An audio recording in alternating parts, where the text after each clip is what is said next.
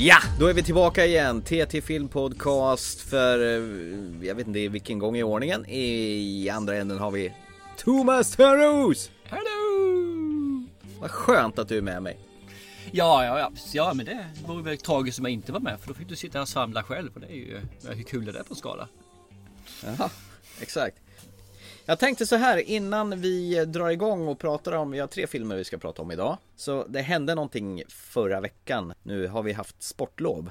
Men eh, han är ju iväg och gympar i alla fall. Det är ju, det är ju sport egentligen att gympa. Han Ja. går på gymnast, vad heter det, truppgymnastik tre gånger i veckan. Det är tisdagar, torsdagar och söndagar. Så i tisdags så var vi där. Jag skulle lämna sonen då. Och kommer in i gympahallen och det är nerskitat något djävulskt. Det ligger tomma festisförpackningar, smulor överallt och soppåsar slängda överallt. Ungefär som det här har varit några ungar och drällt som inte ska vara här.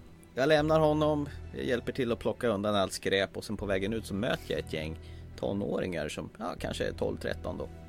Och så ser jag att de är och springer i korridorerna och så öppnar jag dörren så här. Ni, ni kan gå ut här nu då. Vadå då? Vi får väl vara här mycket vi vill. Är det ni som har skitat ner nere i, i gympasalen? Vadå då? Vad skulle det vara vi för? Vad, vad, vadå? Verkligen så här aggressiv attityd. Nej men jag bara tänkte. Vi har rätt att vara hur mycket vi vill. Nej men eh, det här är ju till för de som har abonnerat salen och har gymnastik. Så jag tycker att ni ska gå ut nu. Så det är en av killarna som är runt, ja vad kan det vara, 12? Han är två äpplen hög, till och med kortare än jag är. Jag är ju inte så lång jag så att... Men han ställer sig på tå och tittar på mig och så säger han Du? Du ska inte tro att du är så jävla tuff bara för att du är 50, säger han då. Och det är ju kul för alla, vi vet ju att du är 65 egentligen. Ja men jag tänkte, nej det är väl inte 46, 40, ja, fan snart där. Men vilken jävla förolämpning, skitunge tänkte jag då. Jag blev både paff och provocerad på samma gång. Jag tänkte, äh, lugn, lugn, lugna ner det här nu. Så jag lämnade bakom mig, jag hade lämnat sonen där jag tänkte jag åker och tränar och låter det rinna av. En, en, liksom en, en 11-12-åring ska inte liksom få mig provocerad. Nej. Men, men tänk om! Om jag hade tagit tag i ungen och klappat till den där unga killen så att han hade smält in i väggen och jävels. Och sen hade han polisanmält mig. Då hade jag hamnat i rättegång och fått Ja. betala skadestånd för misshandel. Och efter det, så när jag tror att allting är avklarat, så började den här unga skitungen terrorisera mig med hjälp av sina likagångna kompisar. Skicka hotfulla sms, sabotera bilen för mig och sen serverar han väl sig på sig familjen och då jävlar brister för mig och då blir det hämndaktion. Nu hörde du ju liksom en idé till en thriller som föddes av en händelse som skedde nej, i nej, nej. tisdags. Nej, nej, det här är ingen thriller, det här är en komedi.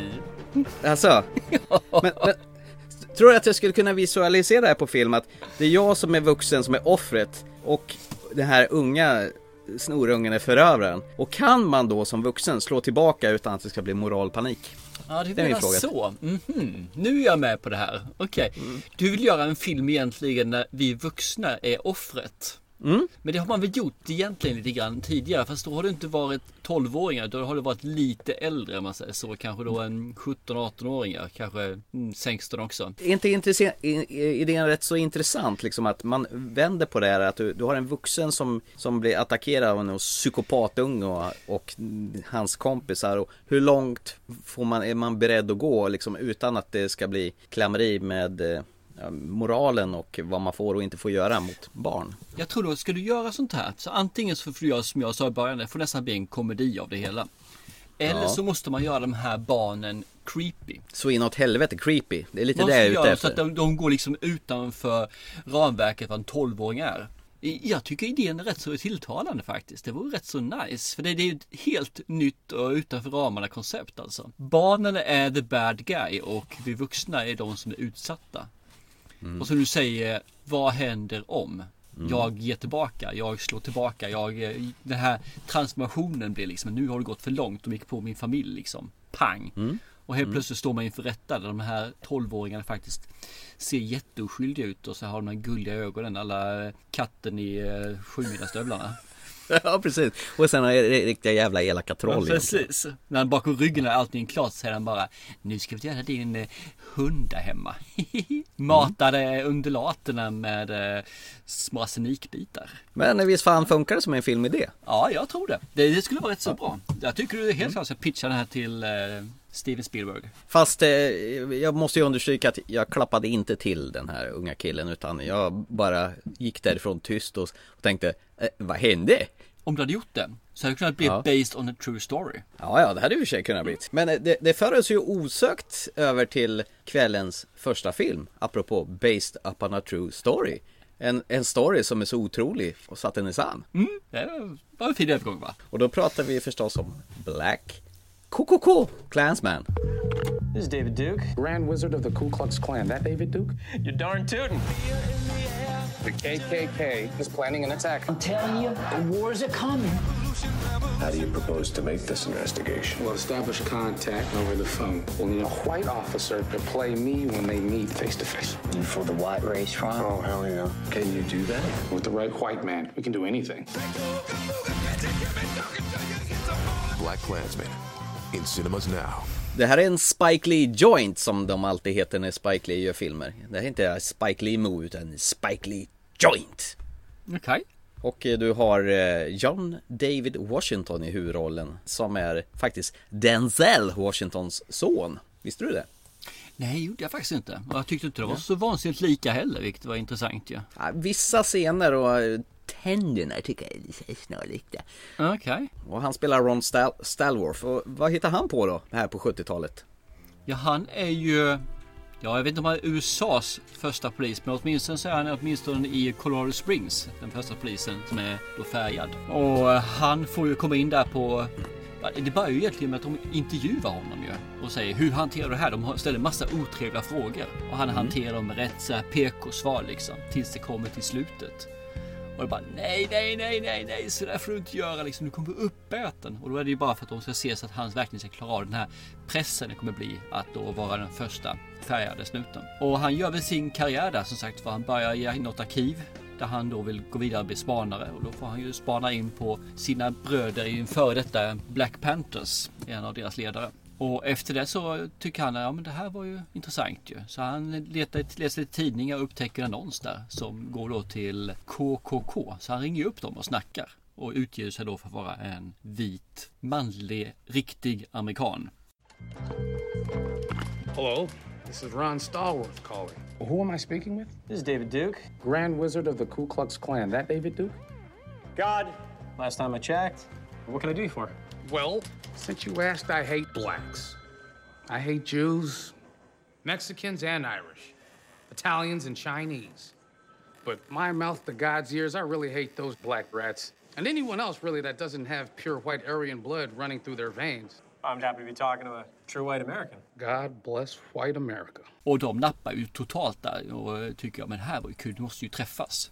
Vilket då är svårt när han då har fel hudfärg, fel frisyr också för den delen. För han har ju riktig mickfrisyr. Ja, det är en sån här riktig hårboll. Ja, så de får lösa det här ju. Genom att han har kontakten vid dem i telefon och sen så får du skicka en stand-in till honom då som tar den här in person eller real live träffarna.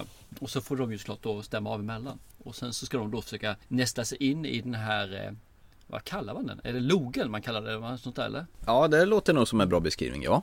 Och då se efter, är de här farliga eller är det bara liksom en hund som står och skäller på avstånd utan att ha några tänder egentligen. Och det är ju, det är väl inte premissen. Och det här som du säger har ju hänt tidigare. Just det här som du beskriver i filmen har hänt tidigare.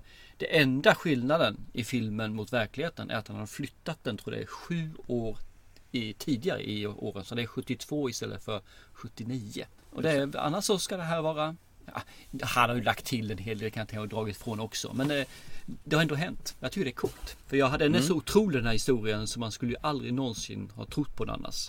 Exakt, och eh, han Ron Stalworth, det är ju samma namn som ja, han som, som har skrivit sin egen biografi då. Ja. Så att det är ju den verkliga po- polisen då som, som har skrivit en bok. Och nu är det Mr. John David Washington som får porträttera honom. Ja, just. Och då kan man säga att han som besöker dem är då, eh, vad heter han, Flip Zim- Zimmerman. Ja just det, Adam Så- Driver. Som då är våra allas, ja, i Star Wars nu då ju. Kylo Ren! You know what I've come for. The map to Skywalker. We know you found it. And now you're going to give it to the First Order. Och jag hatar honom i Kylo Ren. Han är så jävla dålig. Och Tycker lika du? dålig som han är som Kylo Ren. Lika fenomenal är han i den här filmen som skådespelare faktiskt. Visst är han för jävla bra i den här. Han är fruktansvärt bra. Jag hade lätt kunnat ge han, om vi går tillbaka till Oscar igen nu för eh, biroll alltså. För han gör det Mm. ruggigt, ruggigt bra. John David Washington gör ju också en jävla bra roll faktiskt.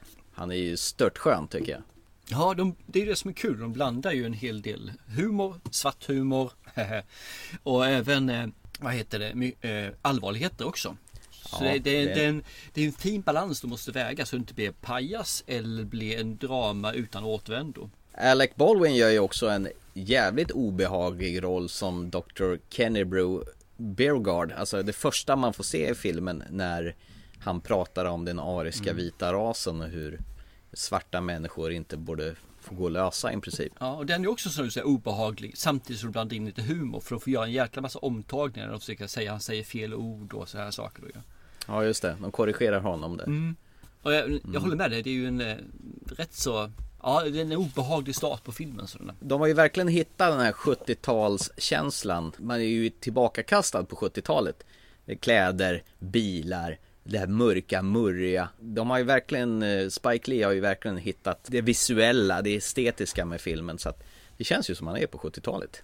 Ja absolut. Ja det är en riktigt, eh, riktigt bra gjort sådär. Sen är det par, en grej till jag tänker på. Det, det finns ett par scener, bland annat när han sitter och pratar i, sin, i telefonen där och sen helt plötsligt så kastar man över i en ny scen. Men ändå så fortsätter telefonsamtalet fast den här nya scenen är. Det greppet ser man inte så ofta idag och jag tror det var mer vanligt på 70-talet att man gjorde så här. Okej, okej. Det var, det var en sån här grej jag bara reflekterade på när jag, när jag såg filmen. Det är ju rätt kul faktiskt. Ja, snacka om vilka extremister de, de kommer till och blanda sig i. Sjuka människor som verkligen ty- tycker att svarta människor inte är värda vatten. Det som jag tänkte på det med också, det var ju det här med att vi, vi har ju första scenen, eller första uppdraget han får, är ju när han då ska spana på den här före detta Black Panther-ledaren som då har en Mm. föreläsning på en skola. Och det blir ju två stycken läger. Först har vi de här färgade som då med Malcolm X och att det ska vara revolution då, att vi ska göra oss fria från det vita mannens eh, ja, ok och det här lite förtryckande då. Och så andra sidan så har vi KKK som då anser att vi måste ta tillbaka USA för nu börjar liksom de, ja, om vi säger deras ord, negrerna, spaggarna Mm. börjar nu liksom Mm. ta över och det är fel liksom. Den riktiga amerikanen måste ta sin rätta plats igen och driva det här landet till rätt ställe. Och de spelar ut de här grupperna väldigt mycket och man ser ju att båda grupperna är ju riktigt, riktigt inskränkta och ser ju Mm. bara sin sak och tycker det andra är helt vansinnigt. Och han gör det på ett väldigt snyggt sätt tycker jag i den här filmen. Det finns en scen där man då växlar mellan de olika när de lägger fram sin sak och hur de gör sina möten då. Och jag tycker det är riktigt, riktigt nice gjort. Man förstår liksom att det finns inget vitt eller svart utan allting är en mix av gråzoner. Och sen så får man ju själv välja vilken av de här gråzonerna man drar som emot mest då ju. Och sen har eh, Spike Lee tagit med en skitgammal Harry Belafonte som sitter i en korgstol och berättar om hans erfarenheter hur de har varit elaka mot Mm. den svarta rasen. Och, och den historien han drar där är också en sanningsenlig staten och har ju skett också. Helt och Ja. hållet. Så det är liksom Nej. mycket av det man drar här är ju faktiskt saker ur verkligheten. Jag brukar ju aldrig någonsin gilla på slutet av sådana här filmer based upon a true story när man ska blanda in verkliga händelser. Men här, här blandar man ju med sådana riktiga upplopp när det blir sammandrabbningar med och riktiga scener på den här Ku Klux Klan-ledaren då som, som nämns i filmen då och visar. The Duke. Ja, The Duke ja. Och även visar ett rätt så balt inlägg av eh, Donald Trump hur han eh, ställer sig till saker och ting. Alltså de snuttarna det gav bränsle till filmen alltså och verkligen visar att hur fan sjukt det är egentligen. Donald Trump sig ju ordentlig känga. Så hade han sett Mm. på film hade han nog säkert twittrat ut eh, det ena och det andra om man säger så om den här filmen. Jag kan bara säga det på en gång. Jag tyckte den här filmen var skitbra. Det här var riktigt eh, min smak av film. Två timmar och 15 minuter svischade förbi ett nafs. Jag tyckte det var kanon, underhållande eh, och lärorikt samtidigt. Jag har ju en annan bild av den här filmen. Eh, Jag såg en trailer på den här innan. Jag vet att du ser inga trailers längre, men jag såg Nej, jag har lagt av med det totalt. Och trailern gav, gav filmen ett sken av att vara en komedi. Det gav filmen också att vara liksom att det, det här skulle vara munhuggeri, snabba kommentarer, mycket sådana saker. Men lite, lite grann då, vad heter det, drama i det också samtidigt. Men huvudparten skulle vara komedi. Filmen är inte en komedi. Det finns roliga sekvenser, det finns alltså de här scenerna och eh, hur eh, de verbalt får till det som är ruggigt roliga. För jag skrattade några gånger i den här filmen alltså. Men det är ingen komedi. Det här är en drama, biografi, crime. Och det fick mig lite grann ur balans när jag tittade på filmen. För jag förväntade mig någonting som gick mot det glättiga hållet och fick ett mörker, då ett mycket mer större mörker och allvar än eh, vad jag var förberedd på. Så det tog mig kanske då en 40-45 minuter att lägga ställa det åt om, eller? sidan. Ja, faktiskt. Och jag tycker det är synd när man i en trailer inte lyckas att framställa filmen på det sättet som, de vill, som den egentligen är. Utan man framställer på ett sätt som att jag, jag tror att den som gjorde trailern inte har sett filmen. Utan han bara högg något. Ja, det här var ju kul, det här var ju kul, det här var ju kul. Sätter man ihop det i en trailer. Och så blir det liksom en komedivarning. Och sälja in det på ett annat vis. Ja, precis, utan man ska då sälja in det för vad filmen egentligen är. För då hade det fått mig, tror jag, ställd på ett annat sätt. Och jag tror jag kunde ha njutit av filmen mycket, mycket mer än vad jag gjorde. Vad har vi lärt oss av det här då? Att inte se på trailers. Nej, men det är att skjuta de som gör trailers av det här egentligen. Alltså, för de är ju helt vansinniga. Se till att de verkligen vet vad de gör trailer om. För det här, det här är ju helt makabelt när man säljer bort en film på det här viset. För det, jag kan tänka mig att det hade säkert varit 30% som har sett trailern och tycker att wow, det här vill jag se. Hade stängt av filmen om de hade sett den på DVD eller hade den på eh, TV eller vad som helst liksom. Då hade de stängt av filmen och så hade de gått och sett något annat eller gjort något annat sätt. För det här var inte det de skulle se.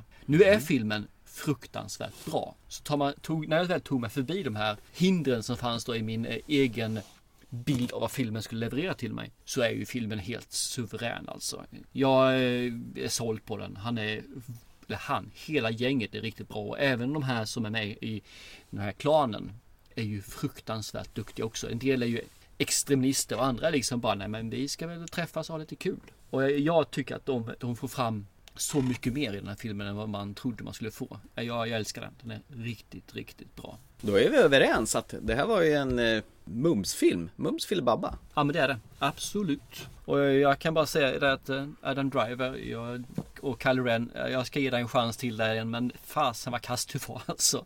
Men här, riktigt bra som en judisk polis undercover.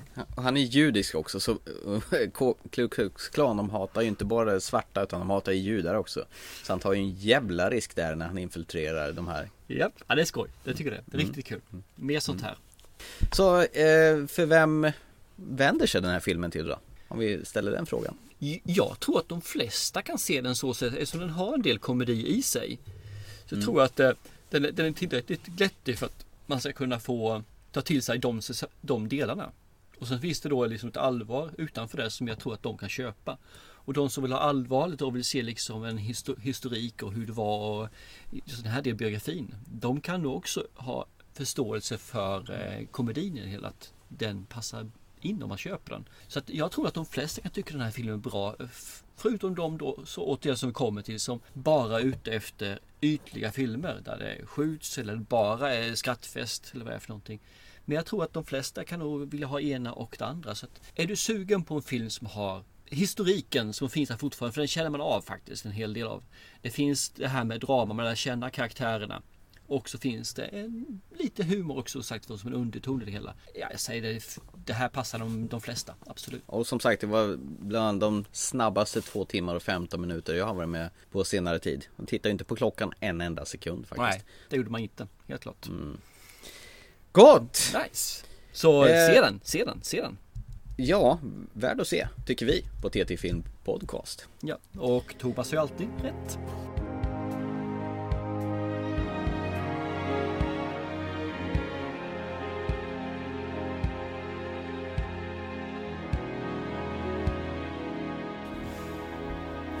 Hörru du, då lämnar vi sonen och går över till farsan då.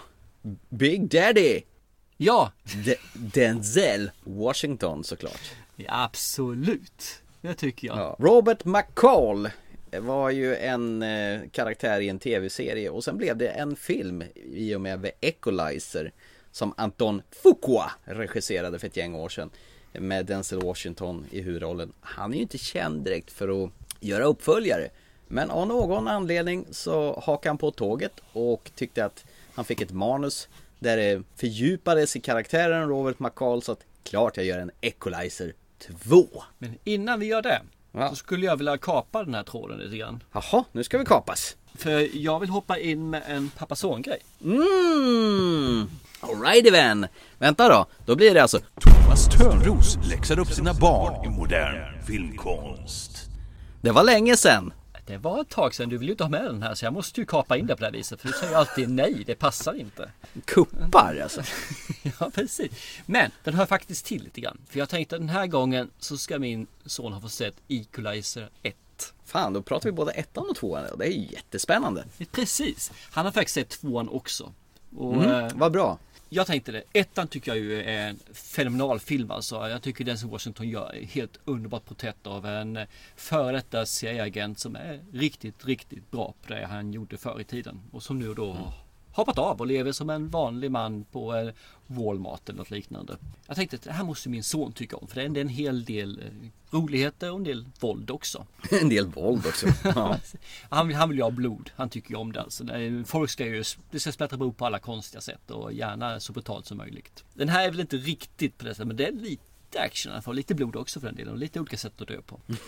Att, eh, eh, Jag tycker ju om den här just för att det är så att säga att han har den här klockan. Han gör det här som Sherlock Holmes gör lite grann. Han tittar, han iakttar, han planerar och sen så säger han 16 sekunder. Och så stoppar han klockan. Och sen så börjar han mula på allehanda personer.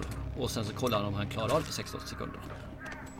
Och det tycker jag det är en, det är en kul touch tycker jag lite grann där liksom. Att han, han, han har ett mål med eh, hur man ska slåss. Inte bara att döda eller lemlästa utan det ska ta på viss klockslag också. Och man ser liksom hur personen eh, han är. Analytisk, väldigt observant. Och, det tycker jag är skönt. Man får det presenterat. Och så har han då det här med att han, han vill göra rätt. Han tycker liksom att det ska finnas rättvisa också samtidigt. Han vill egentligen, tror jag, eh, rätt, eller vad heter det, redemption. Han vill, han vill göra rätt för sig för att det- dåliga han gjort tidigare i sitt liv. Han har ett rättspatos som är ganska extremt. Precis. Min son tittade på den här och eh, efter det frågade liksom Är den bra? Mm, sa han. Eh, men inte jättebra eller? Ja, sa han. Och så var han tyst väldigt, väldigt länge. Han satt och funderade. För Oliver brukar aldrig någonsin vara den som inte pratar. Han har en svar utan dess like. Så han vet vad han tycker om film. Han vet vad han tycker om alla saker. Men den här gången var han tyst. Okej. Så- Ja, så jag fick, fick ta och lirka lite grann. Och sa han, den, den är en okej film sa han. Liksom. Den, den, den, den är okej. Men den känns tom. Och med tom så frågade jag, vad, vad menar du med tom då? Ja, jag kommer inte ihåg någonting egentligen om filmen nu efteråt och då precis efter jag hade sett den där i stort sett. Och det är lite intressant tycker jag för, för min bild. Nu är, ju, nu visserligen jag rätt så färgad av Denzel Washington för han är ju en, verkligen en högstående stjärna hos mig när det gäller skådespelare. Är ju att den här filmen gav ju mig väldigt mycket. Det är en av en sån här riktigt härlig actionrökare tycker jag med en gammal man och det finns lite lugn i den också. Man lär känna karaktärerna och de som är lite utanför också. Inte bara att nu så ska jag hämnas och sen så ska jag dö. Så, så det tycker jag ju. Men för hans del så var det någonting som saknades antagligen. Någonting som gjorde att det inte satte sig. Och jag kan tänka mig att det var kanske för lite blod då. När det gäller just gäller hur man gjorde det. Nu tycker jag att det är en del blodstänk och sådana saker. Men antagligen inte tillräckligt mycket för att han skulle fastna för den helt ut. Det här var ju hans bild av ettan. Och min bild är ju att ettan är ju en fantastisk film och jag ville verkligen se en uppföljare på den. Så med det, så med det kan vi hoppa in på tvåan kanske. Long time ago, I was a high-level paid assassin. Now you come back.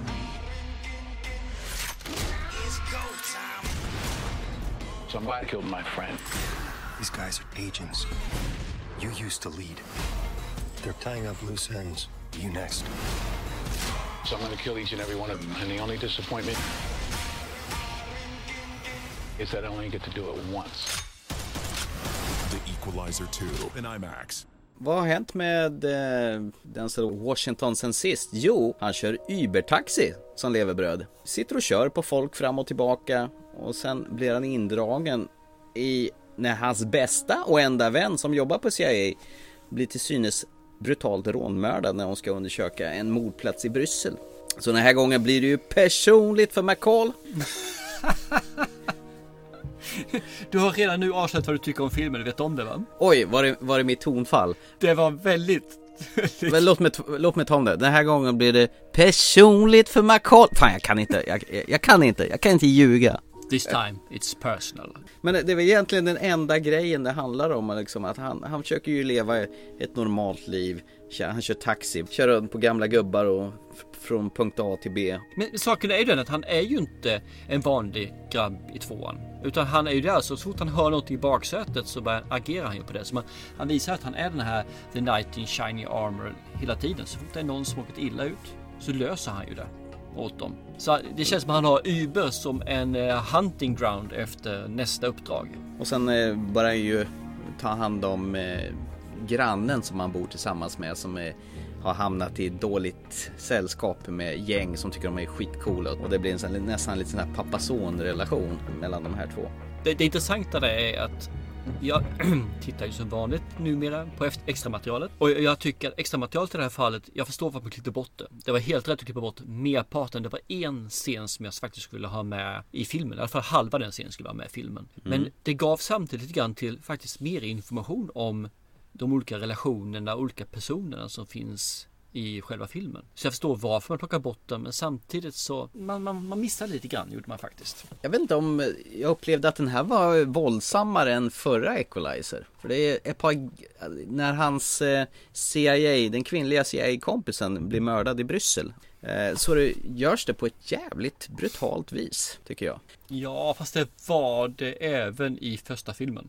Och det kanske jag som har glömt bort det helt enkelt. Ja, det finns en hel del. Man ser ju liksom när han drar en kåköppnare rakt genom käken på personer. Eller ja, och så här och de sätter in dem i bröstet, sliter ut och så här. Så det finns en hel del i ettan också. Men det är lite mer utstuderat tror jag i eh, tvåan. Just den här delen. För den blir lite långsammare och den tar tid på sig innan det kommer. Det största problemet som jag tycker med den här filmen, med den första så tyckte jag den var, var det var rätt mycket finess där att han satt på samma café varenda dag och, och verkligen på sina Tourettes liknande vis lägger, eh, eller inte mer Tourettes, kanske lite mer autism eller man ska säga, att du måste ha grejerna på rätt ställe på bordet, han läser samma bok, det måste vara ordning i hans värld hela tiden. Systematisk ordning. Läser samma bok? Nej, han läser böcker. Ja. Han läser, bok, ja, han läser Ja. böcker. Ja. Men han sitter ju på samma fik varenda kväll och så. Och att han har ju sina rutiner och så vidare. Jag tycker de slarvar bort det lite grann här.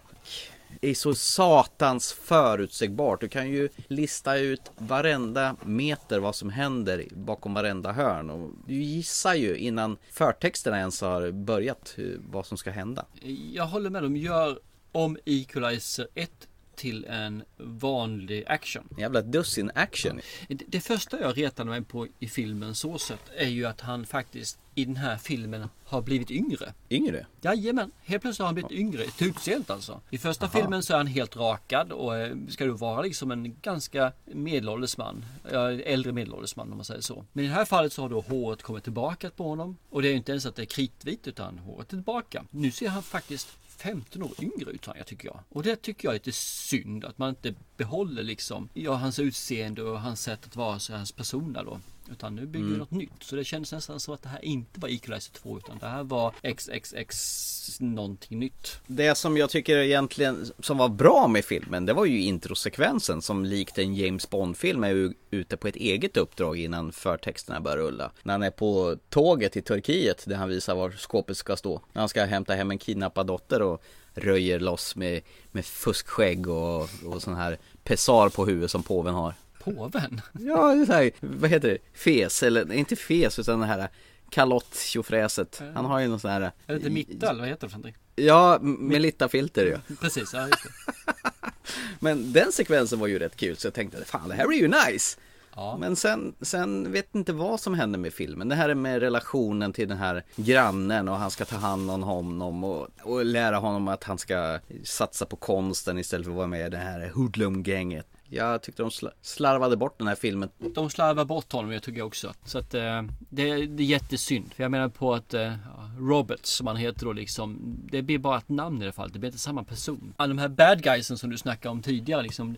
De är ju så jävla oprofessionella och så jävla dåliga. Så jag tror att jag hade gjort det bättre om jag hade varit lite mer psykolog, psy- psykopataktig om man säger så. Att kunna döda folk. Ja. För de, de gör ju misstag, ena misstaget efter det andra. Och det är ju bara pinsamt. Min son gick Ja. ju upp i limningen här liksom. Han menar ju på hur dumma är de? Det här det är Mm. löjligt. Det är ju det är nästan komedi i det hela. Det är väl det som är skillnaden från förra filmen också för där hade vi en riktig jävla überpsykopat som Mhm. bad guy med master of eh, assholes. Mm. Medan här var ju bara bleka, blekfisar i jämförelse. Också. Som, då visar att ettan visar liksom att han är faktiskt intelligent. Han är noggrann, han är observant, han, han är brutal. Han gör inte sådana förbaskade misstag som när de gör i tvåan. För det här är ju, ja jag vet inte vad jag ska säga för någonting. Det är papphammar med en k-pist. Nej, det var platt fall för Equalizer 2. Måste Ja, jag jag säga. håller med. Tyvärr alltså. Sen får man se så här. Det finns vissa scener i filmen tycker jag som är riktigt bra. Jag börjar med liksom den här eh, avrättningen då. Liksom den är jättebra slagsmålscenen med hans bästa vän. Är också Mm. riktigt brutalt god faktiskt tycker jag. Och sen finns det Mm. vissa andra saker när han gör den här undersökningen. Så fram till, den är ju två timmar lång, så säg då en 40-45 minuter av filmen. Tycker jag håller ganska bra. Sen efter det så spelar det bara en spiral rakt ner. Men de första 40-45 minuterna tycker jag är faktiskt helt okej. Det, det tycker jag, ja, där njöt jag av filmen. Mm. Eh, sista 40-45 minuterna också då, om vi säger så, så tyckte jag bara att nu är det nog komedi. Jag och resten av familjen som satt och tittade på den satt ju och skrattade bort den och hade ju kommentarer på hur tänkte de där, vad gör de nu för någonting? Och okej, vi kanske flamsade bort filmen där, men den var inte värd att ta på allvar heller i slutet. Dock ska man ju säga att eh, Denzel Washington är alltid sevärd. Han är väl egentligen den enda anledningen som räddar den här filmen från ett totalt haveri. Nej, nej, han lyckas inte. Han lyckas med de 40-45 minuterna som jag sa. Efter det så går det inte längre alltså. Inte ens han. Har du en fallskärm som är trasig så gör inte det någon nytta alltså. Okej, så, men jag tycker ändå att Denzel är alltid Denzel. Denzel är fortfarande en person som står högt upp på listan hos mig. Jag hoppas han kommer att göra någonting som är mer, mer han, om man säger så. Men vad jag vet så är det inget mer som han har på, på gång faktiskt. Han kanske inte har det. Det här sket sig i det blå skåpet. Nu lägger han av. Han kastar... Ja men det, det är ju det lite jag är rädd för. Att är det här det här han gjorde nu för att tjäna sina pengar innan han lägger upp skådespelartalangerna på hyllan? Eller hur Mm. tänkte han? För det, det är som sagt var, han har gjort en, minst en film om året. Han har gjort, förutom 2015. Men gjorde Mm. han två stycken 2016 istället så säger då en film om året. Och sen 2018 Equalizer 2. 19 ingenting, 20 ingenting. Det finns ingenting listat i alla fall på IMDB. Det som talar för det också är att det här han gör är en uppföljare och det har han ju aldrig gjort tidigare. Nej, det var en precis. jävla taskig svanesång i så fall. Ja, fast det gav säkert mycket pengar. Ja, det är nog mycket möjligt. Eh, då tycker jag hellre man ska titta på Training Day. Eh, den när han är en korrupt polis och har Ethan Hawke som rookie första dagen på jobbet. Den är bra. Han kan ha gjort många. Du har Book of Eli, är ju helt fantastiskt. Ja! Den, den är tjusig. Den har faktiskt, apropå eh, Black Clansman, den har hans son producerat. John Davis Washington. Ah, okej. Eller varför inte se Deja Vu? Den är helt okej. Ja, den är fin när de håller på och går Visst. in och ser massa olika synvinklar på saker och ting som Ja, visst. har Du har Man on Fire som jag... Eh, Oh! Man on fire! Man on fire! Oh, oh. Remember the Titans och 2000. En fotboll, amerikansk fotbollsfilm som är helt suverän. Han har gjort jätte... Har du inte sett den? Nej, är inte det något Disney-producerat skit? Ah, det vet jag inte om det är, men det är en ruggigt bra film alltså. Den är helt fantastisk. Då har du missat någonting, det får jag ju säga. Ja.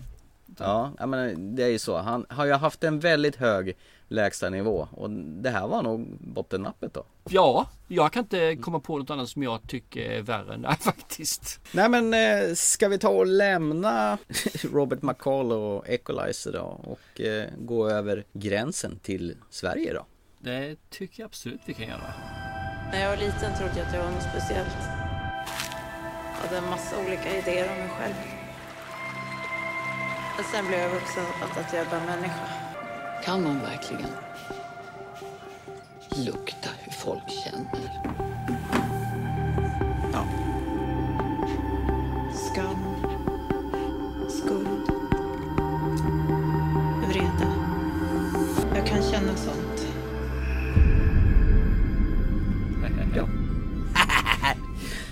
Eh, jo, vi har ju faktiskt innan vi börjar på det så har vi ju haft tävlat ut filmen som vi ska prata om nu. Eh, filmen Gräns har legat i potten då. Så det var två stycken som vann det. Morgan Malm och Britt-Marie Ahlstein vann ett varsitt exemplar av filmen Gräns på Blu-ray. Eh, grattis till er! Grattis, grattis! Tävling gjordes förstås då i samarbete med Universal Sony Pictures. Och nu ska vi faktiskt prata om Gräns också. Ja, det ska vi göra. För du har ju Ja. sett den. Jag såg den på bio. Har faktiskt inte sett om den till det här avsnittet. Men eh, jag kommer nog ihåg det mesta tror jag i alla fall. Hoppas i alla fall. Ja, men då kan väl jag få ta min take på den här filmen då. Ja, jag hade inte tänkt något annat så det är klart att du ska få göra det. Och så rätta, så rätta det efteråt där du gjort fel. Eva Melander, hon spelar Tina. Hon jobbar på tullen. Hon står där och eh, när det kommer folk som har åkt Finlandsbåt. Och så står hon och tittar på folk och så börjar hon lukta lite så här. Så kan hon känna om, om det är något skumt i görningen. Om folk har smugglat sprit eller om de har eh, knark på sig eller kanske till och med ett litet simkort eller ett minneskort med barnpornografi till exempel. Det lyckas hon lukta sig till. Hon eh, har alltid känt sig annorlunda och eh, bor ute i skogen tillsammans med en kille som heter Roland som egentligen, ja hon bor väl tillsammans med honom mest för sällskapets skull då. Han är en sån här långhårig kar som älskar hundar. Men hundarna älskar inte Tina, inte de hundarna i alla fall för de skäller som satan på henne när hon kommer hem. Hon bor där någonstans mitt ute i skogen. Men hon har en väldigt stark koppling till de övriga djuren i skogen. Hon kan kalla till sig rävar som, som gillar henne och älgar tycker om henne. Ja, allting i skogen gillar henne. Eh, hon har en, som sagt en vansinnig förmåga att leta på skumrasket som försöker ta sig igenom då vid, vid tullen där hon jobbar. Och hon slår aldrig fel. Hon luktar, hon känner skam, hon känner folks oegenheter helt enkelt. Då. Tills den dagen då vore knalla förbi en eh, människa som tycks likna henne i både utseendet och i sättet. Så de här två, både Tina och Vore, de börjar träffa varandra för det finns någon form av dragningskraft där och ju mer de eh, lär känna varandra ju mer får hon reda på vad hon egentligen är för någonting. Och det här är ju en historia som bygger på John Ajvide Lindqvist, en av hans noveller. Hade du läst den tidigare innan du såg den här filmen? Ja, det har jag gjort. Det var därför jag föll för den här filmen och verkligen ville se den också. För jag tycker om den novellen väldigt, väldigt mycket. Sen har de gjort sig vissa friheter i filmen mot eh, novellen. Men det tycker Mm. jag väl kan vara OK. Eva Melander, man känner ju inte igen henne. Jag har sett hur hon ser ut i sitt privata sfär. Men jävlar vad de har ställt till henne ordentligt alltså. Ja då, Det är ju absolut. helt bisarrt alltså. Det här var faktiskt en udda, nervig, liten obehaglig och trollbindande liten film, måste jag säga. Eh, Jag hade ju inga tendenser till att somna. Jag brukar ju ha svårt när vi slår på film runt nio tiden på kvällen och hålla mig vaken. Men med den här så, den här höll jag mig vaken till. Eh, Vad tycker du om eh, kärleksscenen? Ja, det finns ju en sexscen i den här filmen. Det var nog bland det sjukaste jag någonsin har sett.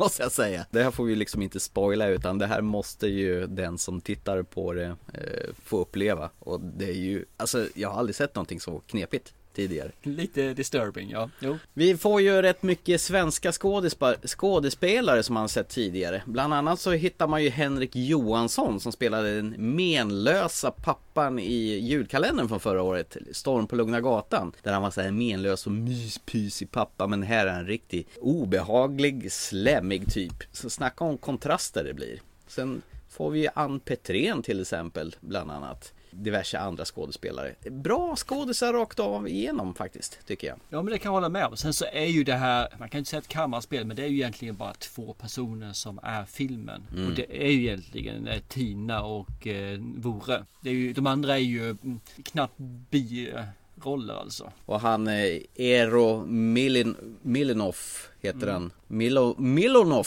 svårt att uttala, men han som spelar Vore. Vilket obehagligt flin han har genom hela filmen. Ja, jag håller med. Jag vet, det är nästan lite djuriskt eh, undanfallande om man säger så. Lite så här Ja. underlägset farligt. Ja, och lutar huvudet på sned och man vet inte riktigt var man har honom. Jag tycker om honom också. Det, det, det, han är lite creepy. Det är han Mm. absolut. Hon den andra är ju Tina. Känns ju mer när man ser på filmen. Hon är mer tragisk. Ja. Hon, har, hon har liksom accepterat. Jag är ful. Jag är annorlunda. Jag har en kille som egentligen bor med mig för att jag tjänar pengar så det går att bo här ute liksom. Men det är ju inte för att han tycker om mig utan det är ju enbart för mina pengar och för mitt hus. Men det är okej för då är i alla fall någon här ute. Någon har sällskap med. Ja, och sen precis. har du ju Sten Ljunggren, alltså skärgårdsdoktorns pappa som spelar Tinas pappa även i den här filmen då. Mm. Den gamla skalliga farbrorn som har blivit ännu äldre här. Men jag satt ju den här filmen som en konstig film. Jag har pratat med Mm. flera andra om vad de har sett den och vad de tycker och de flesta tycker att det här är ju en, det är en annorlunda film. Framförallt en svensk annorlunda film. När jag gick ut från biografen så gick jag ut så här liksom bara Vad har jag sett? Vad tycker jag egentligen om det här? Var det bra eller var det bara konstigt? Och då är ju frågan När du då tryckte på stoppknappen Hur kände du? Jag såg den här tillsammans med eh, min sambo Pernilla då. Och vi båda tittade på varandra och vi var helt överens om att det här var en riktigt, riktigt bra svensk film. Det är som eh, Gert Fylking skulle ha sagt till Horace Engdahl när han kommer ut från akademin och ska presentera Nobelpristagarna. Äntligen! Ja men på riktigt, det här var alltså filmkvalitet som är så hög i svensk produktion så det finns inte. Det här är svinbra. Och det här måste ju vara en guldgruva för dig som har haft svårt för svensk eh, film. Och den här känns ju ändå lite åt independent hållet också. Så det här passar ju säkert oss som handen i handsken. Mm. Det, med, med tiden så har ju den här filmen vuxit ännu mer för mig. Så jag tycker den här är riktigt, riktigt bra.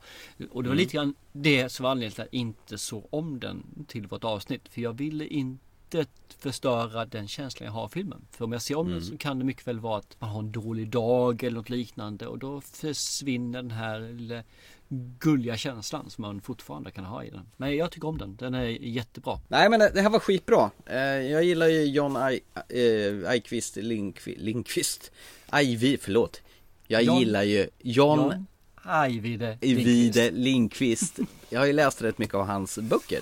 Ja. Eh, Hantering av odöda, Låt den rätta komma in, Människohamn och så vidare. Alla har ju den här typen av tematik och berättarteknik. Det är mycket ångest och det är mycket skildringar av annorlunda människor. Man kan ju säga att det är väldigt annorlunda människor i den här filmen om man säger så. Nunch nunch, nej, nej, you wanna win, nej, nej. Och sen var ju våran vän Kjell Wilhelmsen med också som eh, även var med i, i våran andra independent favvo Vilsen var ju med här också. De si- sitter ju tillsammans med, med Tina i en bil. Han är ju polis där och de sitter ju och, och spanar när hon ska lukta till sig vart ett av de här kriminella nästerna kan vara någonstans. Hon är ju som en slags konsult till, till polisen där.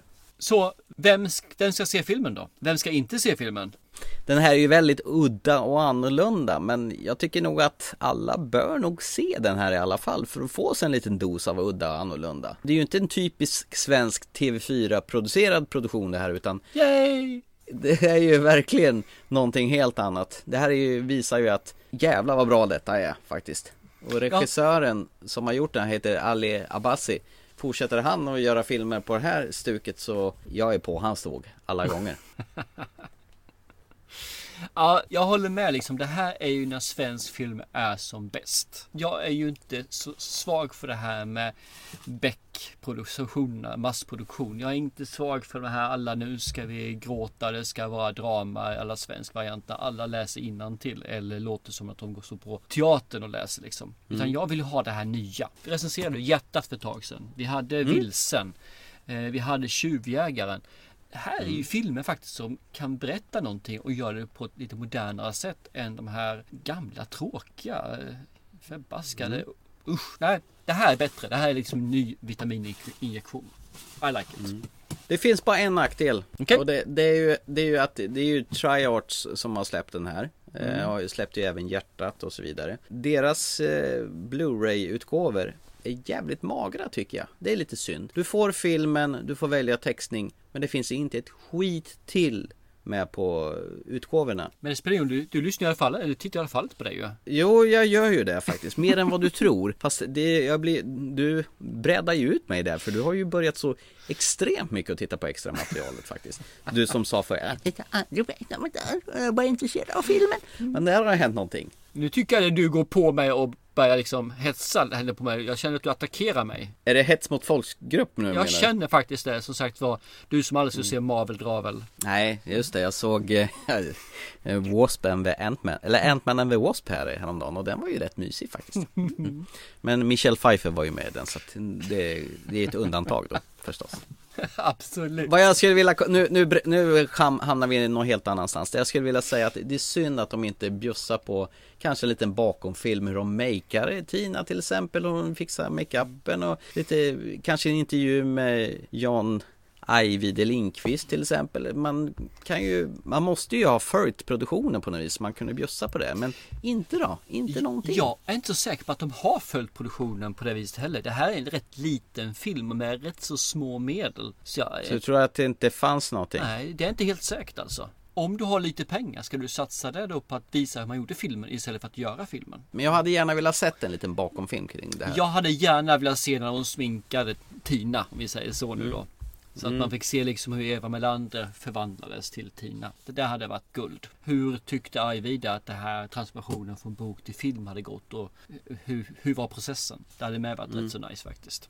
Så jag håller med dig helt och hållet men jag kan förstå om man har ont om pengar så är det ju inte det man lägger ner pengarna på utan då lägger man till pengarna på kanske att göra sminkningen istället. Och det lyckas de ju förbannat bra med. Fruktansvärt bra. Vissa specialeffekter där så begrep jag fan inte hur de har lyckats med. Alltså det var ju så snyggt så det passar ju hemma i en, i en Hollywoodproduktion tycker jag. Kul du tyckte om den i alla fall. Nej men det var svinbra. Eh, Jag rekommenderar alla att se Gräns. För de som eh, gillar det makabra och, och annorlunda kommer ju få sitt lystmäste. Och de som inte gör det, de kommer bli chockade istället. Åtminstone får de se en väldigt annorlunda sexscen. Ja, och tycker du om Ajvide och hans litterära verk så tycker jag helt klart det här är värt att se också.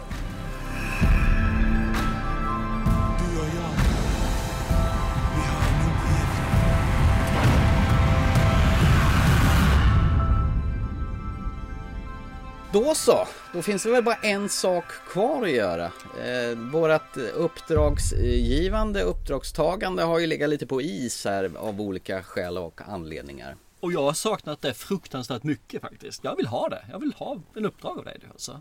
Jag vill ha ett uppdrag hos mig. Mm, mm, mm. Ja, vi skulle inte sjunga med, det lovar ju. Så, hit me! Jo, jag hotade ju förra gången när vi pratades vid om att nu ska du få en svartvit film från 30-talet här. Eh, bara för att komma tillbaka i mina gamla traditioner. Och nu är du så orolig så du håller på att skita på det där i andra änden kan jag tänka mig.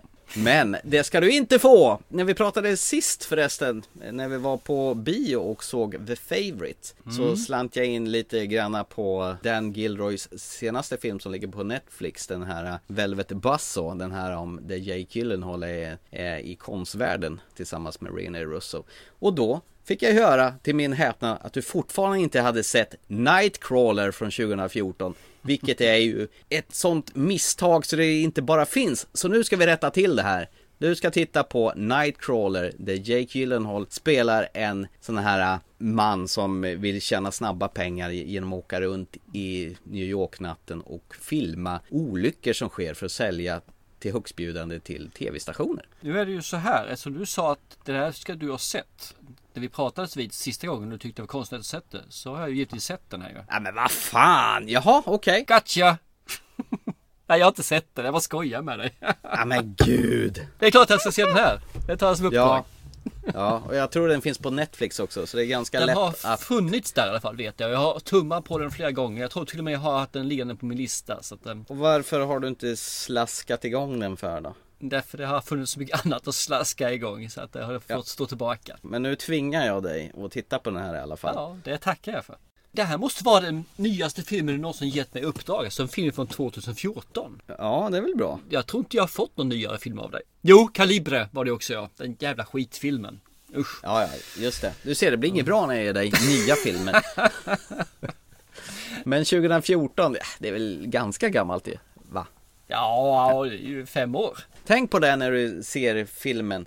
Att han, han är alldeles utmärglad i ansiktet och han har tagit inspiration av sådana här vesslor eller vad man ska säga, sådana här hyenliknande utseende. Gått ner sig ganska ordentligt i kilo för att få den här looken i den här filmen. Ja, nice. Ja, men den tar vi på. Absolut. Ja, hade du något mer eller ska vi klappa ihop för ikväll? Jag känner mig fruktansvärt nöjd faktiskt. Eh, allt lika kul och det, nu känner jag mig rätt så mätt på poddandet. Ja, vad bra.